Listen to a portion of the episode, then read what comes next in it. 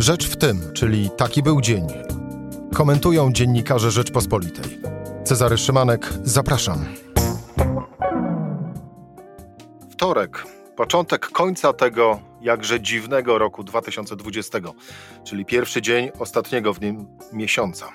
Ale zanim skończy się miesiąc, grudzień, czeka nas dziesiąty jego dzień, a wtedy szczyt Unii Europejskiej, na którym powinny zapaść decyzje dotyczące nowego budżetu wspólnoty i funduszu odbudowy. Tych samych, które Polska i Węgry zawetowały. A tymczasem zdecydowana większość Polaków uważa, że członkostwo w Unii Europejskiej niesie za sobą o wiele więcej zalet niż wad. Z sondażu Ibris dla Rzeczpospolitej wynika, że odpowiedź zdecydowanie zalety wybiera 41%, a raczej zalety 26%. Czyli dwie trzecie z nas ma poczucie korzystania z bycia częścią wspólnoty. Nie zmienia to jednak faktu, że Mateusz Morawiecki zacieśnił więzy przyjaźni z Viktorem Orbanem w kwestii kontestowania Unii Europejskiej przed którą chyba najważniejszy szczyt e, w ciągu najbliższych paru lat. I o tym, e, o szczycie, ale również o owym sondażu e, i kto w co gra na polskiej scenie politycznej, wykorzystując do tego Unię Europejską, w rozmowie z Michałem Szułdrzyńskim. A później Jędrzej Bielecki, z którym zajrzymy z kolei do Holandii. Może się bowiem okazać, że nawet jeśli zostanie osiągnięty jakiś kompromis, wedle nazewnictwa premiera Morawieckiego, to premier Mark Rutte, rządzący od 2010 roku, wszystko zablokuje. Rzecz w tym, że zapraszam Cezary Szymanek. Posłuchaj i wejdź na stronę podcasty.rp.pl. Włącz subskrypcję kanału Rzecz w tym w serwisach streamingowych. Podobają nam się otwarte granice, fundusze liczone w euro, możliwość kształcenia się za granicą i wzrost bezpieczeństwa Polski. Nie podoba nierówne traktowanie krajów, narzucanie prawa, traktowanie jak tania siła robocza i emigracja. To zalety i wady Unii Europejskiej według, według nas. Michał Szudrzyński, zastępca redaktora naczelnego Rzeczpospolitej. Witam Cię, Michale. Witam Ciebie, witam Państwa. E, zaczynamy od szczytu czy od sondażu? Może od sondażu. Bo od sondażu, no właśnie. So, sondaż bardzo, bardzo, bardzo pozytywny, bo oto Polacy w zdecydowanej większości widzimy więcej zalet z bycia we wspólnocie niż e, wad uczestniczenia e, w tym organizmie pod nazwą Unia Europejska. To prawda, a co ciekawe, jeżeli popatrzymy na e, szczegóły tego sondażu, na to jak się zmieniały wyniki, widać wyraźnie, że spada intensywność VAT, to znaczy e, na przykład narzucanie przez Unię Europejską e, prawa, które Polska musi przestrzegać. Cztery lata temu przeszkadzało 45% e, ankietowanych, teraz 29% ankietowanych. Tak samo traktowanie Polski jako siły roboczej było problemem według 40% Polaków, teraz to 26% Polaków. Emigracja to był problem w 2016 dla 32% Polaków, teraz dla 10% Polaków. To pokazuje, że mm, a, a równocześnie wzrasta intensywność e, tych e, zalet, tak? Otwarte granice mm, w 2016 doceniało 73%, e, teraz 80%. Także to jest, to jest moim zdaniem bardzo, bardzo ciekawy wskaźnik pokazujący, że Polacy mają takie to entuzjastyczne, coraz bardziej entuzjastyczne e, podejście do Unii Europejskiej, ale też realistyczne, tak? Bo jeżeli popatrzymy na to, e, na te sprawy, jak na przykład otwarcie granic, czy, czy kształcenie za granicą, e, no to są kwestie czy, czy wzrost bezpieczeństwa, to są kwestie takie, powiedziałbym, dotyczące wolności czy godności.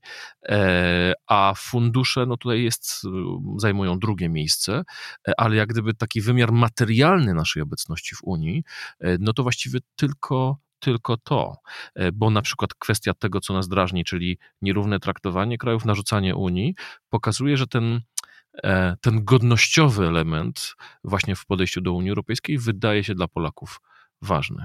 E, skoro jesteśmy przy tym pytaniu, czyli pytaniu o e, największe wady i odpowiedzi nierówne traktowanie krajów, E, jak wspomniałeś, w 2016 roku taką odpowiedź wybrało 42% Polaków, w tym roku 40%.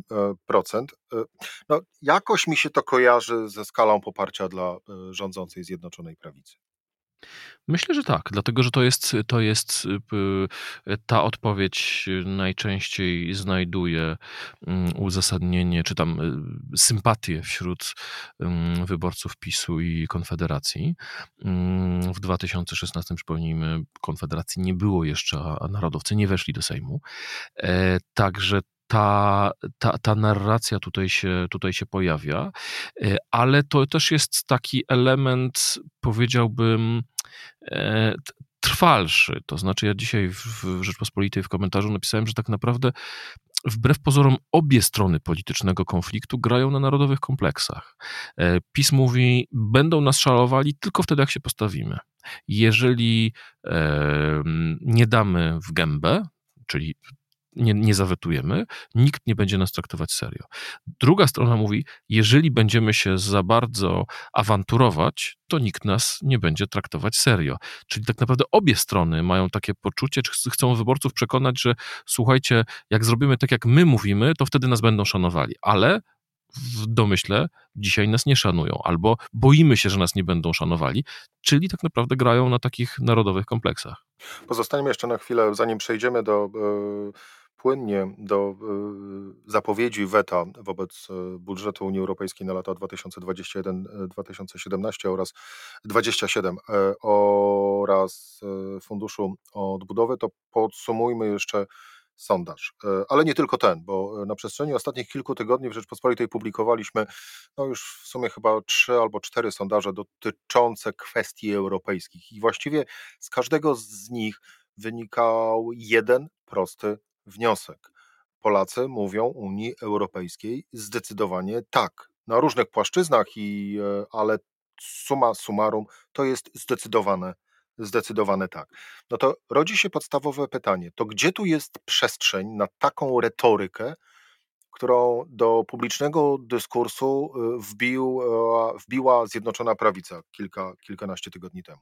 Czyli na, no, nazwijmy rzecz po imieniu, antyunijną.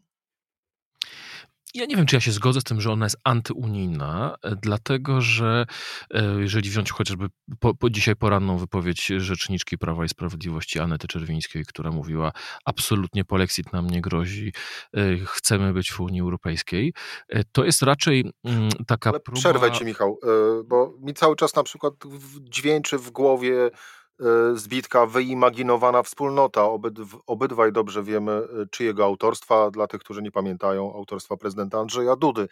E, I właściwie no, jest to, można by powiedzieć, tytuł rozdziału, w którym z kolei jest ten rozdział opisany podobnymi słowami przez pozostałych polityków Zjednoczonej Prawicy. Zgoda, tylko że ja mam wrażenie, że y, pod tym względem stanowisko PiSu troszeczkę jest, pokrywa się z tym, co nam mówią sondaże. Przypomnijmy ten sondaż e, z ubiegłego tygodnia. 81% mówi tak, e, chcemy zostania w Unii Europejskiej. Gdyby odbywało się referendum, zagłosuje na tak, ale równocześnie prawie 60% Polaków nie podoba się to, że to inne kraje będą decydowały o tym, jeżeli wejdzie mechanizm e, praworządności, że to inne kraje, rządy innych krajów będą decydowały o tym, jak czy Polska jest praworządna, czy też nie. I to moim zdaniem pokazuje, że właśnie PiS y, to rozgrywa. To znaczy, że z jednej strony jesteśmy bardzo prounijni, ale z drugiej strony, tak jak chociażby w tym dzisiejszym sondażu, e, nie podoba nam się, gdy mm, e, ktoś nas nierówno traktuje e, wobec innych, albo ktoś narzuca nam jakieś zewnętrzne zasady. I oczywiście no, Unia polega na tym, że wszyscy przyjmujemy zasady, czy wszystkich 28, a już od Brexitu 27 krajów wspólnie ustala, wspólnie ustala zasady, które następnie e, wszyscy przestrzegają, e, ale mm, jest gdzieś to przekonanie, że no kwestia nie wiem, suwerenności czy narodowej godności jest dla Polaków ważna. I mam wrażenie, że, e, że PiS na tym gra. To znaczy Unia Europejska tak, ale nie dajmy sobie wejść na głowę.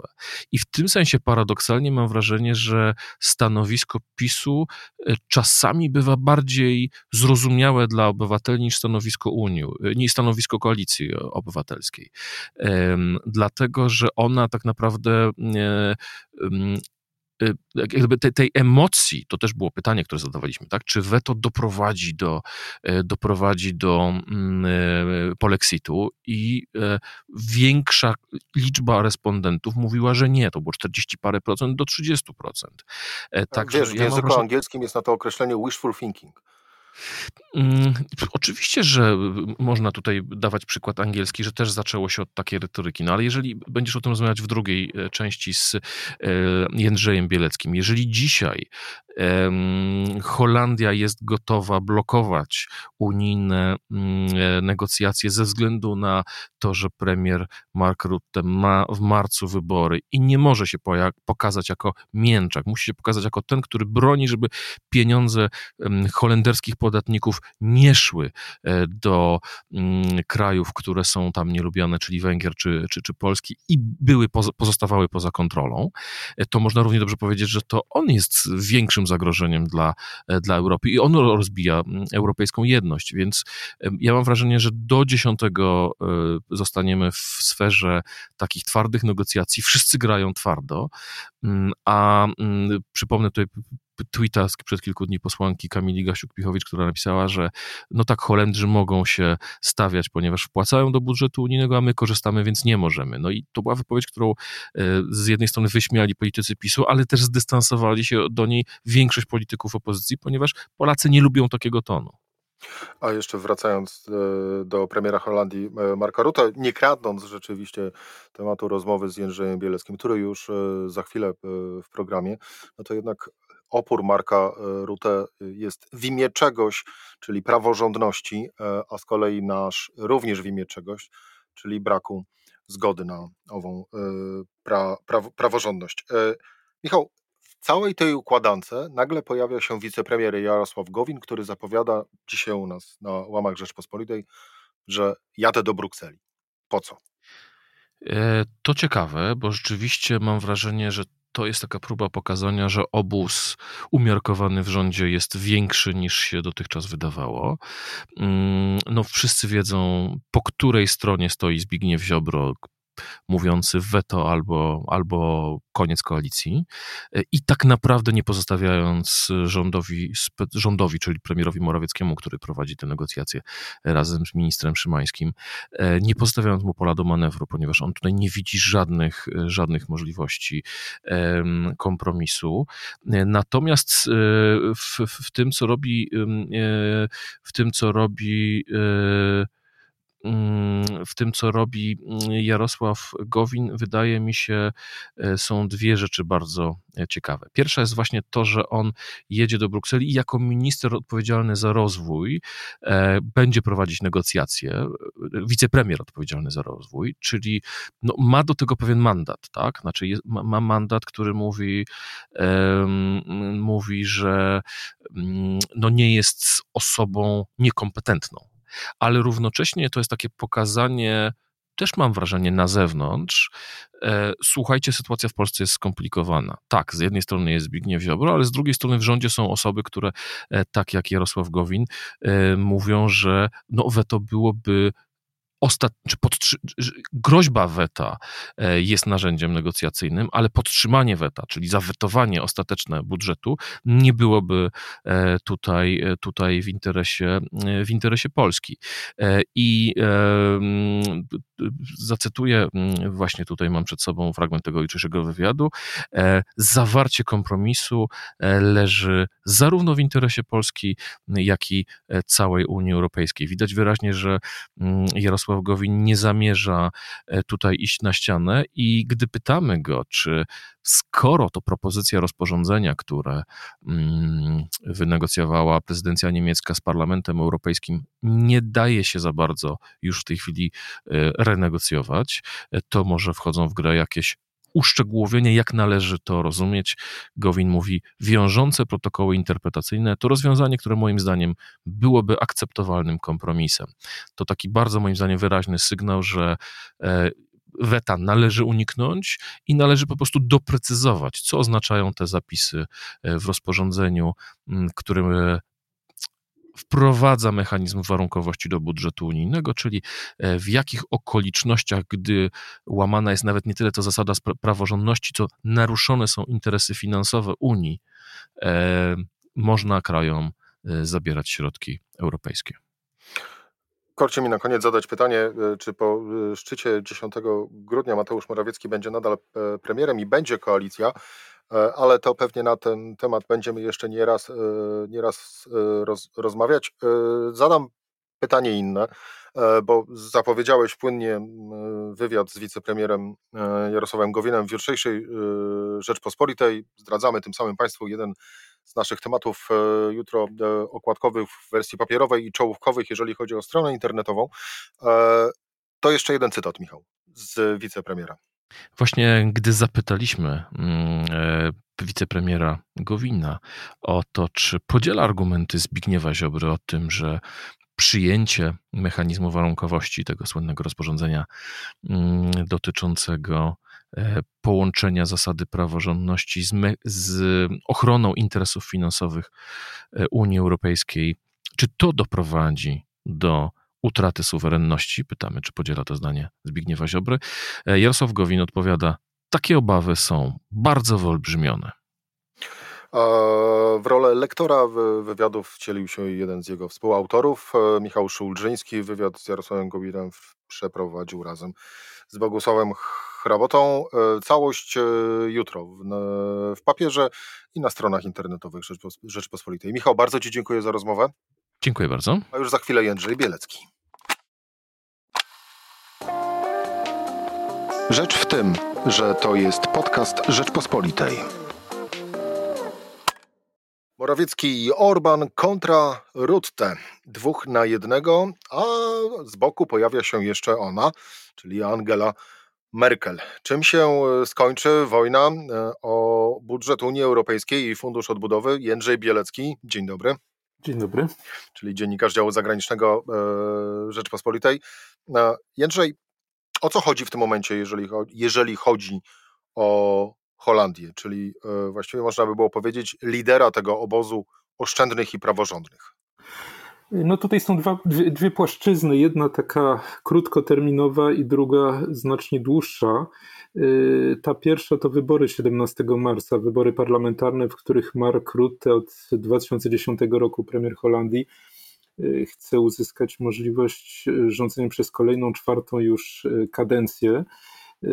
W Holandii, która jest największym płatnikiem netto do budżetu unijnego w proporcji do dochodu narodowego, bardzo dużą uwagę zwraca się na to, jak te środki są wydawane to dotyczy południa Europy, tego, żeby w zamian za tą pomoc e, kraje takie jak Włochy czy Hiszpania przeprowadziły reformy gospodarcze, ale też dotyczy e, kwestii praworządności w odniesieniu do Polski. Węgier to jest bardzo nośny temat i stąd w tej chwili Rutem ma no, duże bardzo trudności z pójściem na kompromis w tej sprawie, ale jest też ten obszar długoterminowy. Otóż Holandia no można powiedzieć, od wieków jest specjalistką od zawierania sojuszy, kiedyś w ramach Hanzy, potem y, w ramach Unii Europejskiej wtłoczona między wielkie Niemcy i Wielką Francję, właśnie poprzez sojusze budowała swoją pozycję. Y, teraz, y, kiedy Wielka Brytania wyszła z Unii, zbudowała coś takiego, co się nazywa Nowa Hanza, grupa krajów bogatych, północnych, skąpych. No i no, wolę jest... słowo oszczędnych. Oszczędnych, tak. I, i, i, stąd, y, i stąd kraj, który, którego powierzchnia no, wynosi tyle co półtora Mazowsza, y, potrafi bardzo ostro grać. Nie można absolutnie go lekceważyć. Przypomnę, że w lipcu tego roku właśnie Mark Rutte blokował przez cztery doby szczyt Unii Europejskiej i uzyskał bardzo wiele. Zredukowanie funduszu odbudowy do 390 miliardów y, euro darowizn z 750 i uzależnienie właśnie tej wypłaty od wspomnianych reform gospodarczych. No i teraz znowu jest on bardzo zdeterminowany, to jest e, taki zatwardziały kawaler, człowiek żyjący bardzo oszczędnie, tak twardo, tak mocno trzymający się e, reguł czy, czy swoich przekonań, że w maju tego roku, kiedy jego 96-letnia matka była umierająca, nie odwiedził jej w szpitalu, bo wtedy obowiązywał obowiązywały zasady izolacji, które, które zresztą sam wprowadził, to pokazuje, jak bardzo jest zdeterminowany, więc nie można go lekceważyć, tak jak mówi. E, tymczasem e, Mark Rutte do e, swojej krucjaty, nazwijmy to w ten, w ten sposób, próbuje zaprząc również holenderski pa parlament, który, no właśnie, który może z kolei zdecydować o zaskarżeniu Polski i Węgier przed Trybunałem Sprawiedliwości. Właśnie dokładnie w tej chwili, kiedy rozmawiamy, y, ta kwestia jest y, poddana pod obrady. To jest kwestia w tym sensie symboliczna, że chodzi o no, zaskarżenie zapisów o nieprzestrzeganiu przez oba kraje zasad praworządności. Wyrok w tej sprawie, jeżeli w ogóle Trybunał uzna, że jest kompetentny, zapadnie za półtora, dwa lata, więc już dawno po tym porozumieniu ewentualnym. Natomiast no jest to oczywiście kolejny element presji, pokazania, prawda, tak ze, ze strony deputowanych, jak i samego Rutego, jak bardzo są zdeterminowani.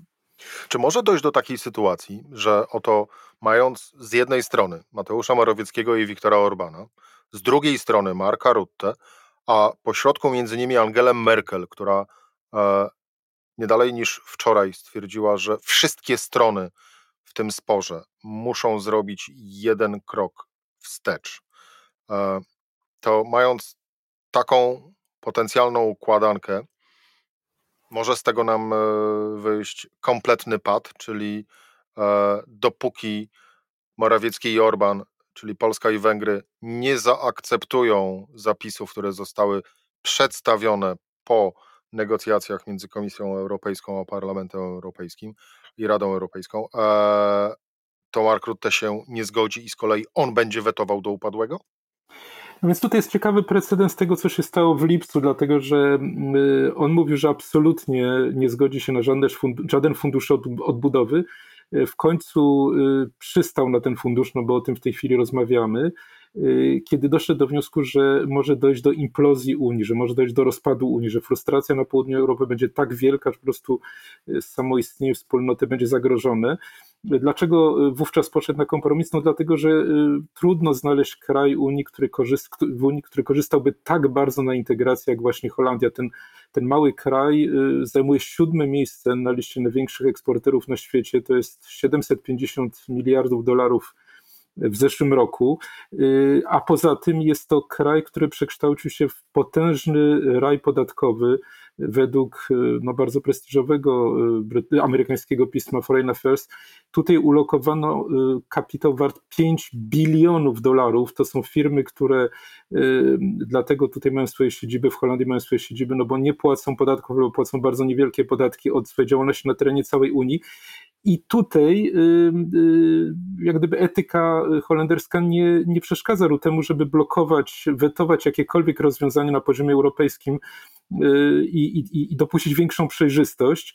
Y, Oxfam, brytyjska, brytyjski y, organizacja pomocowa, ocenia, że z tego powodu europejskie, europejskie państwa, europejskie rządy tracą rocznie 100 miliardów euro. 100 miliardów euro, podczas gdy ta dopłata roczna y, do, do budżetu unijnego przez Holendrów wynosi 2,5 miliarda euro, więc 40 razy mniej. I, i Rutte doskonale sobie zdaje sprawę, że jeżeli pójdzie za daleko, jeżeli zagrozi istnieniu Unii, no to straci wielo, wielokrotnie więcej niż y, jeżeli pójdzie na jakiś kompromis. Więc to jest mimo wszystko pewna gra. To nie jest do końca tak, że po jednej stronie jest zła Polska, złe Węgry, które łamią zasady praworządności, a po drugiej stronie jest czysty jak łza który trzyma się reguł, no to jest też kraj, który bardzo, bardzo wiele pieniędzy podkrada sąsiadom i frustracja z tego powodu też jest wielka, więc myślę, że y, on jest znakomitym dyplomatą, śmiem powiedzieć, że znacznie lepszym niż Orban czy Morawiecki, znacznie bardziej zdeterminowany, ma znacznie sprawniejszy aparat państwa i aparat dyplomatyczny,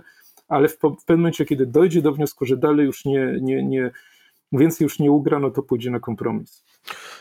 I na koniec pytanie o 10 e, grudnia, czyli o szczyt Unii Europejskiej. Czy ten szczyt e, Twoim zdaniem zakończy się e, jakimś sukcesem, czy też tak naprawdę to będzie dopiero początek epopei?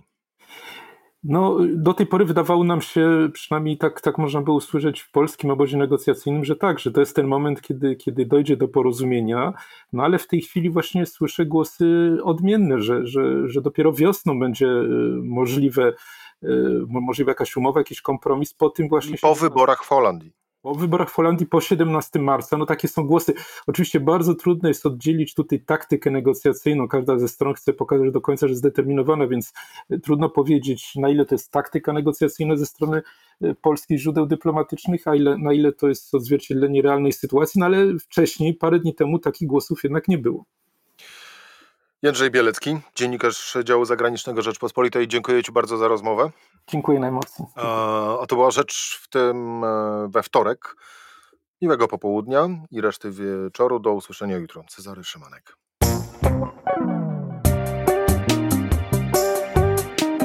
Rzecz w tym to codzienny program Rzeczpospolitej. Od poniedziałku do czwartku o godzinie 17. Wejdź na stronę podcasty.rp.pl Włącz subskrypcję kanału Rzecz w tym w serwisach streamingowych. Cezary Szymanek, zapraszam.